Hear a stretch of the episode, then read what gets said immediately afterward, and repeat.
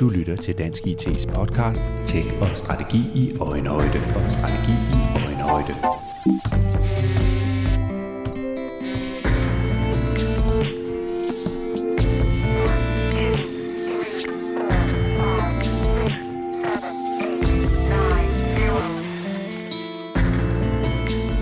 Kunstig intelligens er strået til tops på agendaen i mange virksomheder i de senere år.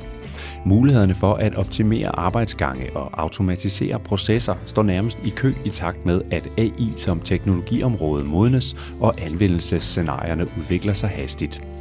Det er dog ikke uden dilemmaer og potentielle problemstillinger, når man bringer AI-værktøjerne i spil. Vi skal for eksempel forholde os til både problemstillinger inden for cybersikkerhed, etik og jura, ligesom det naturligvis også er afgørende, at man har styr på algoritmer, datamodeller og validering af de informationer, der indgår i AI-løsningen. Det handler grundlæggende om, at man skal udvikle ansvarlig AI. Du får i denne episode vejledning om, hvordan du kan og bør sikre involvering af alle relevante interessenter i arbejdet med ansvarlig AI. Vi guider dig til, hvordan du kan implementere værktøjerne og giver dig inspiration til at etablere samarbejder på tværs af fagområder som jura, cybersikkerhed og data science. Til det formål har jeg inviteret to kompetente eksperter i studiet. Det er Bodil Brabæk, der er Executive Director og Head of Data Privacy Law i EY, og så er det Mille Østerlund, Director for Cybersikkerhed i EY og forperson for udvalget for digitale kompetencer i Dansk IT. Velkommen til Tech og Strategi i Øjenhøjde. Bodil Brabæk, for at vi lige kan komme godt i gang med den her podcast om ansvarlig AI, så har jeg brug for, at du prøver for mig og for lytterne at beskrive, hvad forstår du ved ansvarlig AI? Det kan du tro, Kim. Øhm, og det er sjovt, at det kommer fra en jurist, men øh, med mine briller, så er ansvarlig AI meget mere end bare jura.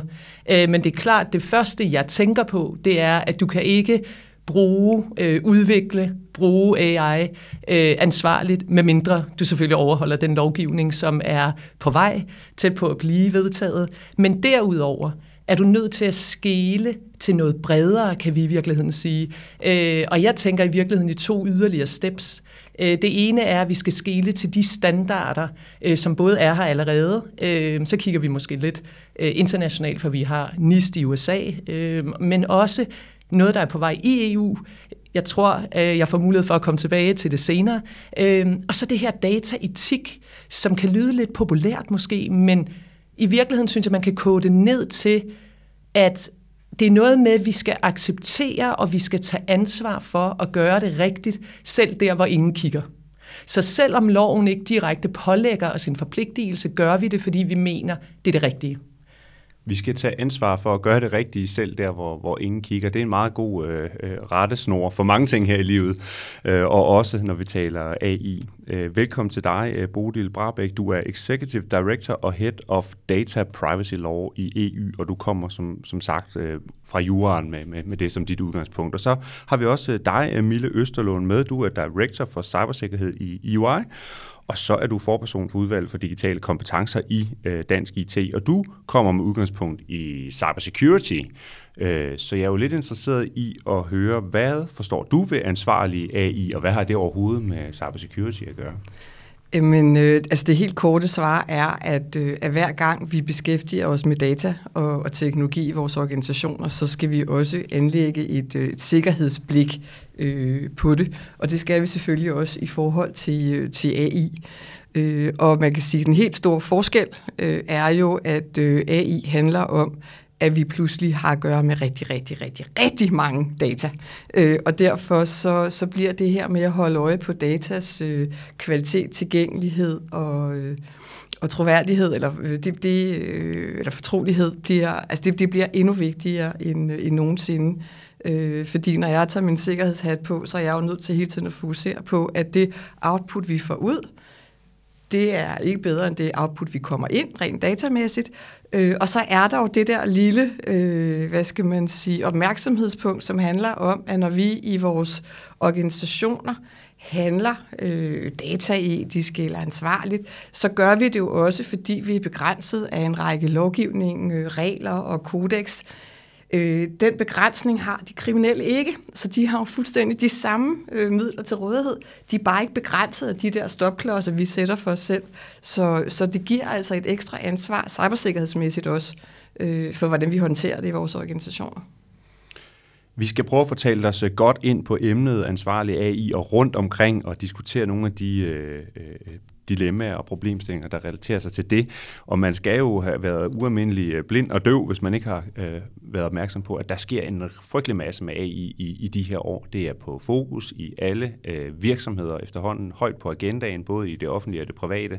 Øh, de store tech-giganter buller løs med deres teknologiske innovation, og vi ser også en helt underskov af, af mindre spillere på området. Og det gør jo, at man står med nogle muligheder, når man gerne vil bringe AI-løsningerne i spil. Og de skal være ansvarlige lyder jeres øh, påstand. Og så bliver jeg nødt til at udfordre jer lidt, for jeg tænker jo, at der kan være mange forskellige holdninger til, hvad er, øh, hvornår er noget ansvarligt. Øh, der er, er forskellige holdninger, alt afhængig af, hvor man kommer fra i verden, og hvilket udgangspunkt og perspektiv man har.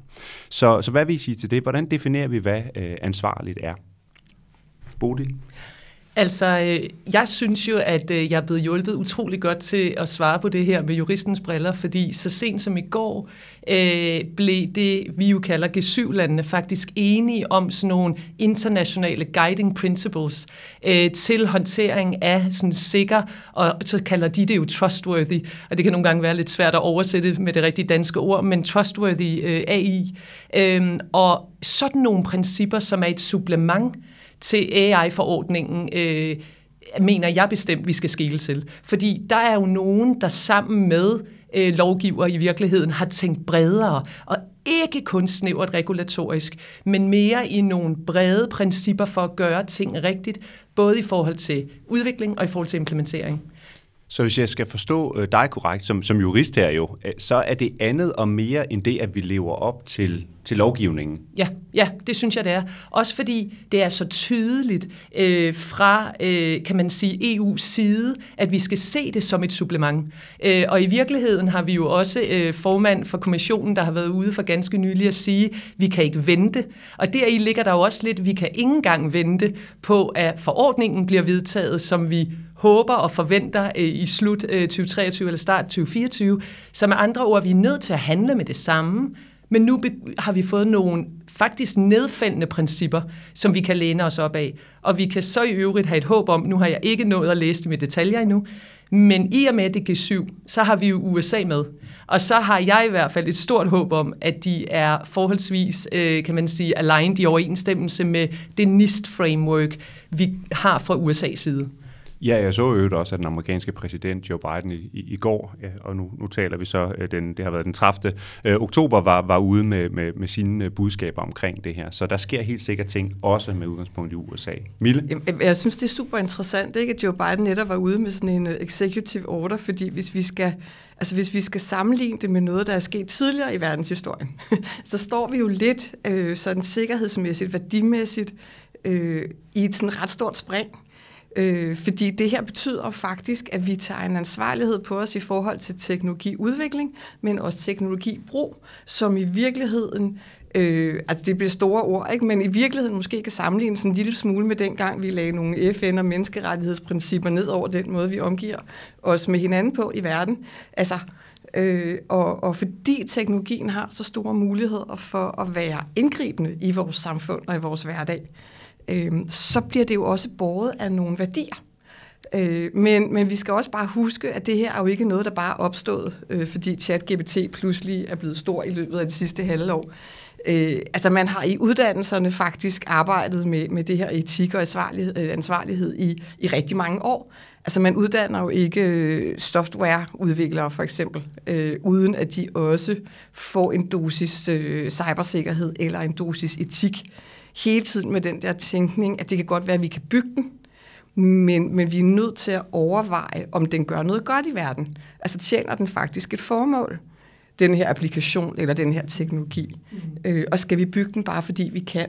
Så, så jeg synes i virkeligheden, jeg ser også i sådan uddannelsesbilledet, at, at den her tænkning fylder mere og mere. Om lidt vil jeg gerne komme tilbage til, hvad betyder det så helt konkret, hvis vi skal følge nogle af de her guidelines og principper, der er? Hvad er det så for nogle, nogle valg, vi bliver nødt til at træffe, og, og, og hvordan skal vi navigere i det her? Men, men inden da vil jeg, kunne jeg godt tænke mig lige at prøve at få en fornemmelse af, hvordan AI-projekterne her i, i lille Danmark egentlig bliver grebet an i dag. Altså hvad oplever I i forhold til, hvor meget fylder det her omkring ansvarligheden, når man taler AI-projekter? For der er jo masser af, af smarte og innovative projekter derude.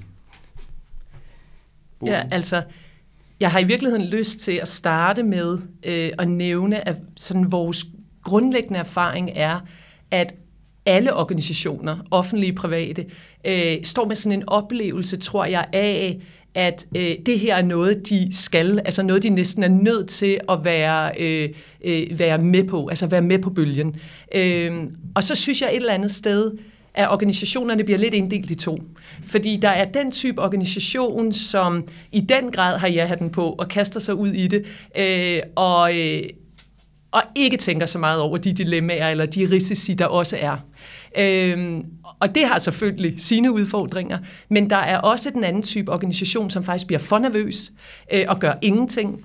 Øhm, og, øh, og det er der, hvor jeg øh, også igen tilbage til det her med juridiske briller, synes det er ærgerligt, fordi den type organisation er så nervøs for risiciene, og det er rigtigt, de er der.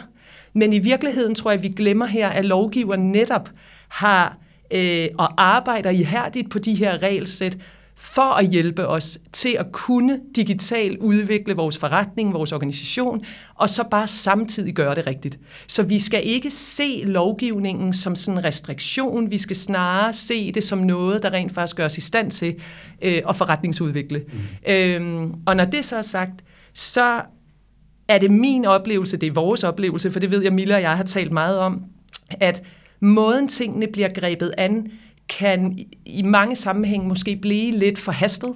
Øh, I stedet for lige at stoppe op og først og fremmest sikre, har vi rent faktisk den viden i organisationen, vi har brug for, for overhovedet at træffe de rigtige beslutninger, så man sikrer noget awareness. Kravet følger også, eller kommer til at følge af forordningen i øvrigt, så derfor er det også en god idé. Og så få kigget lidt ind i, hvad er vores egen modenhed? Fordi først på det grundlag er du i stand til at træffe noget sådan mere oplyst øh, beslutninger om, hvad den rigtige AI-vej for os. Så du ikke bare gør det, naboen gør. Fordi det er i virkeligheden måske lidt groft, det vi godt kan opleve lidt lige for tiden. Jo, og, altså faktisk for at tage fat i det der med modenhed, ikke? Øh, altså vi har et fælles helt konkret øh, oplevelse med en, øh, en, øh, en virksomhed, hvor en del af forretningen utrolig gerne vil i gang med, med det her med AI øh, fordi at de kan se nogle, øh, nogle ret store øh, gevinster vi faktisk kan automatisere noget mere i produktionen i deres markedsføringstiltag. Alle de her ting, hvor man nu kan bruge AI-teknologier. Øh, og de blev simpelthen så begejstrede, så de ville gerne tænke, det gør vi, vi kører, vi laver en workshop, vi sætter det rigtige hold, og så går vi i gang med det her, fordi det gør alle de andre. Og så fik de involveret resten af organisationen, som viste sig faktisk slet ikke at være klar til det. Øh, så, så dem, der ligesom sad med, hvad skal man sige, governance eller compliance-ansvaret, de sagde simpelthen, hey, hold stop. Øh, vi er nødt til at kigge på, øh, at det her overhovedet i overensstemmelse med den måde, vi øh, dels vores værdier i forretningen, er det overhovedet i overensstemmelse med den måde, vi behandler persondata på i, øh, i vores organisation.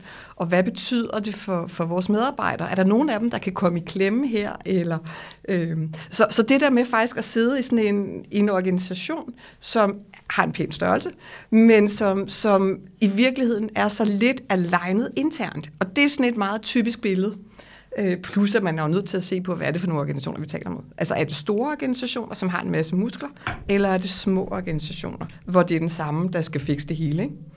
Det betyder også enormt meget. Mm-hmm. Ja, Bodil. Ja, og så synes jeg, vi, vi oplever øh, faktisk gentagende gange, at der også er utrolig stor forskel i organisationen i forhold til modenhed og, øh, og forståelsen for, for AI. Øh, og et rigtig godt eksempel er også i en situation, hvor vi Øh, at topledelse bliver bedt om at komme ind og lave noget AI-oplæg, noget AI-workshop. Øh, og deres fokus var, at vi skal høre noget om AI, og vi skal påbegynde øh, en snak om, hvordan kan vi egentlig bruge AI. Og de havde en klar oplevelse af, at de ikke havde nogen AI-løsninger implementeret allerede. Da vi så kommer i dialog med specialisterne, kan vi godt kalde det, eller dem, der hos dem sad lidt med sådan data science-rollen, tech-rollen, der kunne de jo vise os en liste over AI-løsninger, de allerede har implementeret, og de havde allerede identificeret en del fordele, men også rigtig mange dilemmaer. Så det viser bare tilbage til mit sådan, første budskab om det her med at sikre awareness i organisationen, at vi er nødt til at starte med at kigge ind af og finde ud af, hvilken viden har vi egentlig allerede, øh, og hvad er status quo. Ja, det illustrerer jo også meget godt den, det, det tidspunkt, vi er på nu i den her udvikling. Altså, at vi, vi opfatter lidt AI som noget, noget nyt, vi tager ned fra hylderne, men, men lige om lidt, øh, om et år eller to eller tre, jamen, så er det der jo bare. Så er det en del af alting, vi gør, øh, ligesom internettet er det. Så, så vi er vel nødt til at også vende os til en ny tid, hvor, hvor AI er udgangspunktet, frem for at det er sådan, at vi står og skal beslutte os for, om vi skal have det eller ej. Og i virkeligheden ikke, hvis vi sådan skal, altså vi har det også med at tale tingene op og gøre dem enormt komplekse. Og hvis vi sådan skal tale det en lille smule ned, altså, så er det jo i virkeligheden bare endnu en teknologi, som vi skal forholde os til i vores organisationer, med de implikationer, der nu følger af det. Altså, så vi skal jo bare i virkeligheden spole tilbage og sige, okay, den her teknologi, hvad betyder den for vores processer, for vores mennesker, øh, ligesom vi vil gøre med alt muligt andet. Øh, så det er sådan for at prøve at tale det ned til sådan et lidt lavpraktisk øh, format. Men, men så, øh, så har vi jo også den fælles oplevelse, at vi er også nødt til, fordi den her teknologi kan så meget mere, at bringe nogle flere mennesker i spil, både i udviklingsprocesserne, men også i styringsprocesserne og afviklingsprocesserne, øh, ikke mindst. Øh, for, fordi vi ligesom altså, står med noget andet. Ikke? Og når du øh, siger flere mennesker her, øh, Mille, prøv at sætte nogle ord på, hvad, hvad, hvad er det for en type mennesker, vi jamen, så har behov for at bringe i spil? Altså jeg vil jo altid have topledelsen med, mm. når vi taler, ikke bare når vi taler cybersikkerhed, men sådan i det hele taget, fordi jeg vil gerne have, at vi har en, øh, en sponsor og en ansvarlig for de øh, beslutninger, vi træffer i vores organisationer. Øh, og så er det helt centralt, fordi der er så nogle store juridiske implikationer her, at vi har, at vi har juristerne med, øh, og vi får deres hjælp til at lægge de forskellige reguleringer oven på hinanden, sådan så vi også er effektive i den måde, vi arbejder med, med det her regulativ setup på. Og så vil jeg have tech-folkene med, altså der skal være nogen, der kan bygge det, og så vil jeg faktisk have nogle af brugerne med, og måske nogle af dem, det rammer, altså nogle af kunderne kunne det være. Og det er simpelthen, altså det er jo helt klassisk sådan øh, brugerrejse set op i virkeligheden, men det handler faktisk om, at, at vi er nødt til at forstå, hvad er de etiske implikationer ude i eksempelvis borgerservice, øh, hvis vi pludselig får et sagsbehandlingssystem, som faktisk er beslutningsunderstøttende på en helt anden måde, end vi har i dag. Øhm, og, hvornår, altså, og hvornår er det, vi også siger stop i forhold til, hvad er det formålet med data er? Hvad er det, vi har hentet tilladelse til? Altså, hvornår er det, vi, hvornår er det man i hos, hos tech-folket, han har sagt bare lige for at putte dem i en kasse, eller hos direktionen får lyst til at sige, ah, nu har vi de der data, kan vi ikke også lige bruge dem til det her? Øhm. Ja, for, for jeg tænker, vi kan vel hurtigt ende ud i en situation, hvis vi sætter sådan en gruppe mennesker sammen, øh, hvor, hvor der altid vil være nogen, der har den der lidt øh, skeptiske øh, hat på, og så siger, nej, det dur ikke. Øh, men vi skal jo samtidig også være konkurrencedygtige, øh, vi opererer på et globalt marked, hvor standarderne for, hvad ansvarligt er, trods alt kan se meget forskellige ud, og der kan være nogle af vores konkurrenter, vores største konkurrenter, som bestemt ikke har den samme opfattelse, de buller bare derud af. Så hvordan, hvordan navigerer vi det der, Bodil? Ja, og jeg, i virkeligheden er jeg jo også øh, vild med, at det netop er juristen, der bliver spurgt, når vi lige har talt om det der med, at man kan tilbøjelig til at sige nej, fordi det bliver vi jo lidt skudt i skoene. Øh, og det er klart, at nogle gange er vi nødt til at være lidt bussemanden, fordi det er jo også vores rolle. Men som jeg ser det, så det vigtigste er, at organisationen i den her tværfaglighed øh, får defineret sammen den risikoappetit, som øh, organisationen i virkeligheden vil arbejde med, kan vi godt kalde det. Fordi fakta er, også set for sådan databeskyttelsesretlig side, at enhver form øh, for AI vil være forbundet med en eller anden grad af risici. Øhm, og det er langt værre at kun holde det ud i udstrækt arm, og rent faktisk ikke forholde sig til det, øhm, og så ikke få håndteret det, og den del af risiciene, der rent faktisk er mulige. Og et virkelig godt eksempel, øh, det er lige nu oplever vi i forhold til ChatGPT, som jo er det, altså alle taler om ChatGPT, øh, den organisation, som alene forholder sig til risiciene, eller i hvert fald vægter dem så højt, at man fuldstændig udelukker brugen, øh, men gør det på en måde, hvor man så slet ikke i talesætter det i organisationen. Det betyder bare medarbejderne, for hvis du laver en håndsoprækning, så bruger medarbejderne det alligevel, fordi i særligt den, der ligger i OpenAI, er jo offentligt tilgængelig. Øh, og risiciene der er langt værre, end hvis organisationen, forhåbentlig også med juristernes hjælp, rent faktisk går ind og laver nogle øh, sikkerhedstiltag for dog at begrænse, hvordan vi bruger det. Så så jeg synes, det er et godt eksempel på, at vi alle med hver vores fagkompetence nødt til at tænke bredere og lytte til hinanden, øh, og så komme med vores input, der samlet set må blive den rigtige løsning. Mm.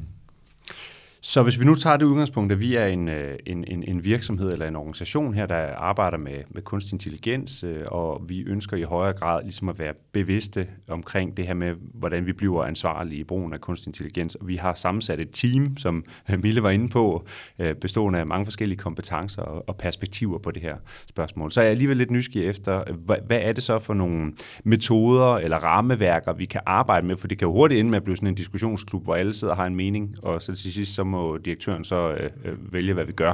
Men det er jo ikke så, så brugbart trods alt, Mille. Nej, og der, der tror jeg, at øh, vi vil advare mod, at det er teknologien, der, kommer, øh, at der får lov til at køre bussen her. Ikke? Øh, altså, man er nødt til at gå tilbage til at sige, hvad er det, hvad er det for en slags forretning, vi er? Hvad siger vores forretningsstrategi? Hvad er det for nogle problemer, vi skal løse? Og hvilket teknologivalg er så det rigtige her? Altså, det kan være AI-løsninger. Det vil det højst sandsynligt være rigtig mange steder. Men, men det er jo det der med i virkeligheden at være helt, helt skarp på, hvad, altså, hvad skal vi bruge det til?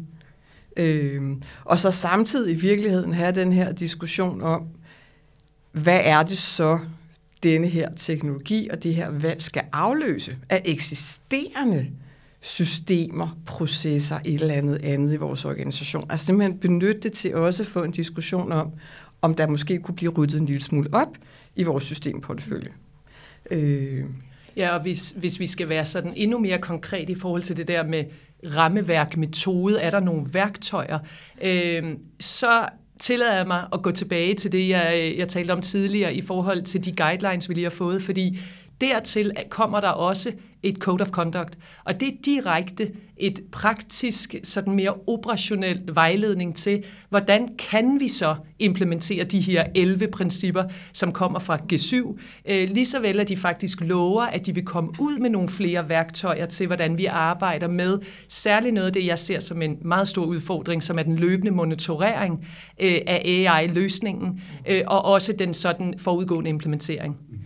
Øh, så, og, og jeg ved, Mille, at du ofte i tale sætter NIST-frameworket som også en, en metode, et rammeværk, man kan følge. Og det er jo ikke det samme som, at du får svaret på hver en detalje, fordi det er et rammeværk. Så du er nødt til at tage det til, altså til dig, og, øh, og også selv sætte nogle detaljer på. Øh, og det er vigtigt selvfølgelig for mig at fremhæve, at de her rammeværk er ikke lavet øh, snævert regulatorisk for øje. Så det vil sige, I er nødt til med rammeværkene, særligt NIST, som har et sikkerheds, øh, kan man sige, fokus, hovedfokus, skal juristerne selvfølgelig med ind over processen, så man kan lægge detaljen i hver af de her steps, som rammeværket anbefaler dig at gå igennem. Og de detaljer, synes jeg jo allerede nu, vi skal trække fra forordningen, selvom den kun ligger i udkast. Mm. Men jeg håber også, øh, Kim, at det svarer lidt på det her med, at der er faktisk nogle metoder derude, nogle rammer, rammeværk derude, vi kan søge inspiration i, for også at have lidt vores proces foran os. Så, så bare lige for at få, få styr på den her del omkring øh, øh juraen og compliance og så videre. Altså nu har vi fået de her nye G7 øh, guidelines, eller hvad vi, hvad vi skal kalde dem. Øh, der kommer noget fra EU, øh, den her AI Act, som man hører så meget om, men jeg ved ikke helt lige, hvornår præcis vi kan regne med, at den træder i kraft. Men så har vi jo også noget eksisterende, der er jo noget GDPR og så videre, som vel også har en betydning i forhold til det her. Så, så det er vel et samsurium af alt det her, der fører os i en retning, hvor vi trods alt øh, øh ikke er helt på barbund, når vi skal finde ud af, hvad er ansvarligt egentlig. Jeg tror i virkeligheden, det du skal høre, vi siger, er, at man skal starte der, hvor man er. Altså man skal jo ikke tage alt det gode, man allerede har gjort, og smide det ud med badevandet. Altså man skal jo kigge på sin eksisterende governance og sige, hey, hvordan kan den her nye tilgang, hvordan kan den her nye teknologi, de her nye krav, hvordan passer det ind i det, vi har? Og så går man jo ind og justerer. Altså igen tilbage til, det vil man også gøre ved hvilken som helst anden teknologi. Øh, det vil man gøre også, hvis man er en stor virksomhed, og man skulle øh, fusionere med en anden virksomhed, så går man jo også ind og kigger på, hvad har vi af gode processer allerede det ene sted og det andet sted? Hvordan får vi det her til at blive noget godt i det nye setup? Altså, så, så lad være med, at, altså det er virkelig, lad være med at tænke alting forfra, men vær super kritisk på, om det, I har, faktisk fungerer. Altså, bruger I det til noget? Understøtter det faktisk beslutningskraften i organisationen? Og hvis man ikke har noget i forvejen, så er det godt at finde sig et rammeværk. Ikke? Det kunne være NIS, det kunne være et andet. Og læne sig op af som sådan en øh, pædagogisk støtte. Øh, altså, det ville jo være det, vi anbefaler. Ikke? Ja, fordi hvis jeg skal, hvis jeg skal øh, så tage den lidt mere negative hat på, øh, og, og der skal jeg sige, at jeg er enormt fortaler for den her øh, digitale udvikling. Øh, men, men tilbage til, at vi skal gøre det rigtigt, så ser jeg en af de største dilemmaer lige nu, det er, at husene ikke er modne nok i det, der allerede gælder. Øh, og det er også GDPR. Øhm, og når data, som Mille var inde på tidligere, er så vital en del af AI-setup'et, så er vi simpelthen nødt til at sikre os, at den data, vi allerede har, bliver behandlet øh, korrekt. Og korrekt tilbage til, at både i overensstemmelse med regler, og, og husk, GDPR finder anvendelse fuldstændig, som den har gjort hele tiden. AI-forordningen kommer ikke til at forholde sig til persondatabehandling, så vi skal i virkeligheden se for os, at vi får en AI-forordning, og fuldstændig sideløbende der har vi GDPR, som vi kender den. Og det vil sige, at husene er nødt til at starte med at kigge ind i, hvad er det egentlig for en data, vi allerede har? Hvorfor har vi den? Til hvilke formål? Har vi lovgrundlag til dem? Fordi hvis ikke vi får styr på alt det basale, så kan vi ikke udnytte værdien i den data, for der er enorm værdi. Vi vil gerne bruge det til noget nyt med en AI-løsning øh, øh, på vej, for eksempel. Må vi overhovedet det? Og der kommer ja. man vel ikke udenom, at der, der kan være mange steder et, altså et vist arbejde, der skal klares her i forhold til at få styr på, på fundamentet. Altså har, ved vi, hvad for nogle data vi har, og hvad, hvad er, der, er der bias i det, og er, der, er de valide, og kan vi bruge dem til at træffe de her konklusioner og så videre via en AI-løsning. Øh, så, så på den måde er det jo også bare øh, hårdt arbejde, øh, som i så mange andre sammenhænge. Ja. Jamen, altså, det, det er jo fuldstændig, altså, det, du har fuldstændig ret, fordi det er hårdt arbejde, og, og altså, det er jo også derfor, at vi hører mange, som, som øh, piver lidt øh, over mangel på ressourcer og mangel på kompetencer. Øh, fordi hvem er det i virkeligheden, der skal løfte det her? Hvad koster det? Øh, hvad koster det i virkeligheden af administrative ressourcer i vores, øh, i vores organisationer? Og der er ingen tvivl om, at, at det her kan blive en gevinst på sigt, men det kræver altså noget at få det op at køre. Altså det er en investering, vi er nødt til at tage i vores organisationer, for at gøre det rigtigt og ansvarligt øh, som alt muligt andet i virkeligheden. Ikke? Altså, og så tror jeg altså, vi skal være opmærksom på, at, at, øh, at der, er vild, altså, der er meget lovgivning, som kommer til at drive det her.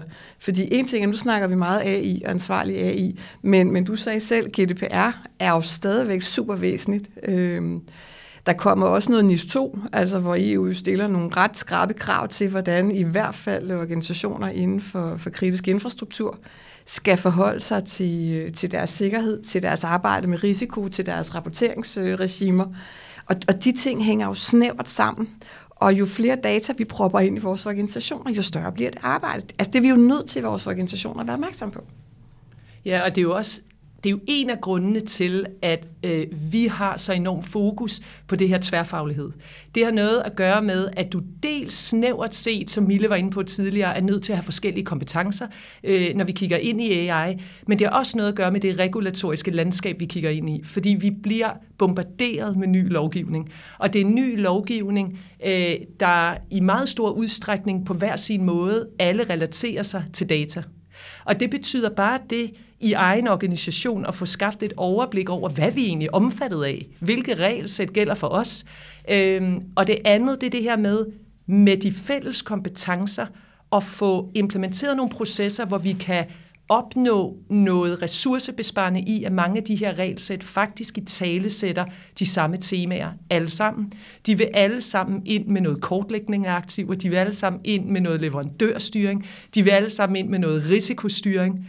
Øh, så hvis vi kan få i organisationen kan man sige, alignet de her processer, så vi ikke risikerer, at GDPR-specialisten sidder og laver sin risikovurdering, informationssikkerhedsrådgiveren sidder og laver en anden risikovurdering, AI-specialisten laver en tredje, og jeg kunne faktisk blive ved, for så har vi NIST, øh, eller NIST 2 osv.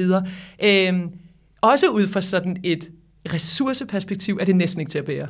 Så vi skal virkelig have øh, sat os sammen og have lagt nogle fælles øh, processer for det, men ressourcerne er en udfordring, for det er faktisk ret svært at finde kompetencerne. Det er et helt andet dilemma.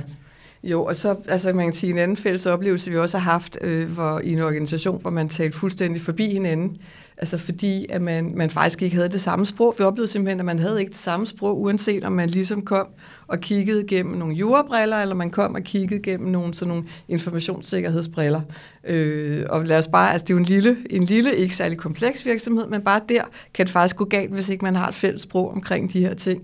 Og hvad er i virkeligheden forretningens øh, risiko, ikke? Og risikoappetit. Hvor juristen jo vil kigge på, hvor er der, hvor er der, øh, hvor er der mange persondata. Det er de systemer, vi skal sørge for at følge op på, at have kortlagt og have aftaler på og hvor cybersikkerheds, øh, eller informationssikkerheds, øh, hvad hedder, den informationssikkerhedsansvarlige måske i virkeligheden mere vil kigge på at sige, men hvad er, hvad er det for nogle systemer, der driver kerneforretningen? Altså, hvor er det, vi genererer øh, penge, simpelthen? Ikke?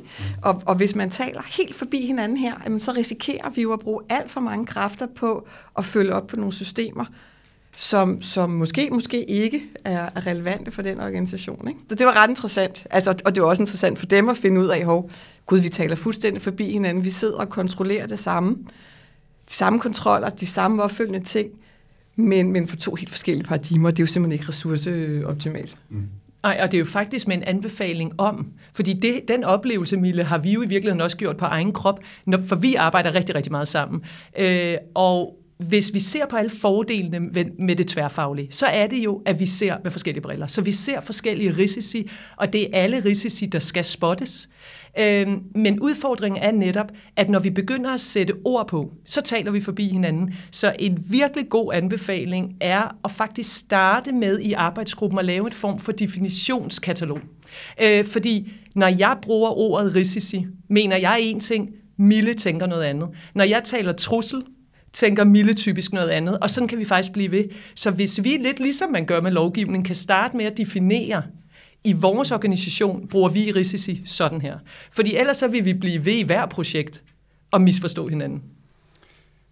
Bodil øh, Brabæk og Mille Østerlund, I, øh, I taler løs, og det er, det er en fornøjelse, fordi det, vi kommer godt omkring emnet ansvarlig AI, men det betyder også, at tiden øh, løber, og vi skal, vi skal så småt til at runde af. Men, men jeg kunne godt tænke mig lige at, at træde et skridt tilbage i forhold til, at vi har haft øh, den her øh, tendens i retning af mere og mere AI i nogle år efterhånden. Det er jo virkeligheden et meget, meget gammelt koncept, men det er først inden for de seneste øh, 5-10 år, der for alvor begyndt at ske ting og sager. Vi kan nok godt forvente, at den udvikling accelererer.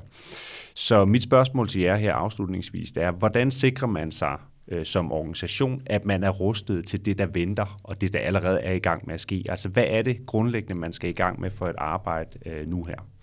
Mille, vil du øh, øh lægge for? Det er jo tro. Altså, øh, det allerførste, man skal gøre, det er simpelthen at få styr på sin husholdning, øh, om du vil. Altså få styr på, på, øh, på basis. Hvad har vi allerede i vores organisation? Og få kortlagt det, man har. Få det dokumenteret, få taget stilling til, om det også er, er aktiver og ting, man vil arbejde med fremadrettet. Øh, og begynd allerede nu øh, at gøre det i henhold til, hvad vi kender til, øh, der står i, i AI Act, som det er nu. Det er sådan det aller, aller, aller første, ikke, som vi vil anbefale folk at gøre. Øh, og, så vil vi, øh, og så vil vi faktisk også sige, at øh, lad være med at være bekymret for det. Altså, få lavet, nogle, få lavet nogle retningslinjer, få lavet nogle sandbox-miljøer, og prøv det af for at se, om det giver værdi i jeres organisation. For det er jo ikke sikkert. Men prøv det af, sådan som man kan tage beslutninger på et oplyst grundlag. Ja, og man kan sige, øh, Mille griner af mig, fordi så siger jeg endnu mere konkret, det er nok sådan, som vi altid arbejder sammen.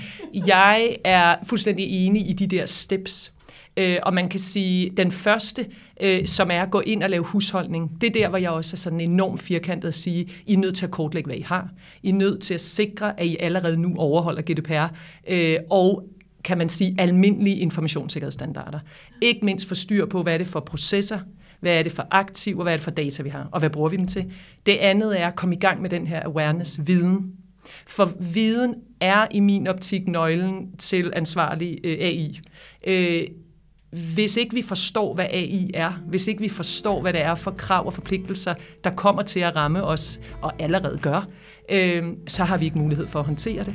Øh, og noget, jeg gerne ville lige tilføje til kortlægningen, det er, få identificeret, om I allerede har AI. Fordi Kim, du siger også, at i virkeligheden, det har jo været her i rigtig, rigtig mange år, og hvis vi kigger ind i den definition, som forordningen i hvert fald lægger op til, så er den meget vid. Og så har jeg lyst til at sige, at langt de fleste organisationer har AI allerede. Så tilbage til husholdning, vi er nødt til at finde ud af, har vi det allerede? Og så kan vi også begynde at tale om, og hvad vil vi det strategisk fremadrettet? Vi har allerede AI, og vi kommer uden tvivl til at få mere af det, og så handler det om at, at få det og gøre det på en ansvarlig måde. Øh, Bodil og Mille, tak fordi I kom og var med øh, her i Dansk IT's podcast. Selv tak. Selv tak. thank you